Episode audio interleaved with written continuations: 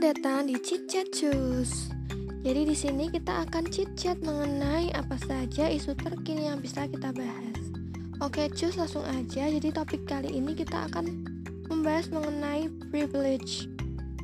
Pasti udah tahu dong ya apa itu privilege? Ya, privilege itu merupakan suatu hak keistimewaan yang dimiliki seseorang. Setiap orang pasti punya privilege-nya masing-masing. Tinggal bagaimana kita memanfaatkannya aja. Kayak yang akhir-akhir ini disampaikan sama Audi Ayunda.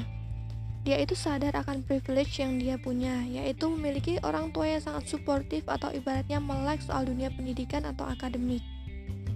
Jadi dia memanfaatkan privilege itu buat mengejar akademiknya setinggi mungkin.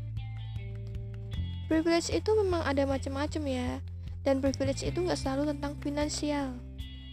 Ada hak istimewa berdasarkan ras, gender, usia, penampilan, keluarga negaraan, dan lain-lain. Privilege itu ibaratnya bisa mempermudah atau memberi keuntungan yang lebih bagi kita. Nah, jadi kita perlu memanfaatkan dengan sebaik mungkin sekecil apa pun privilege yang kita punya. Karena setiap orang itu pasti punya hak keistimewaannya masing-masing meskipun dalam bentuk yang berbeda-beda.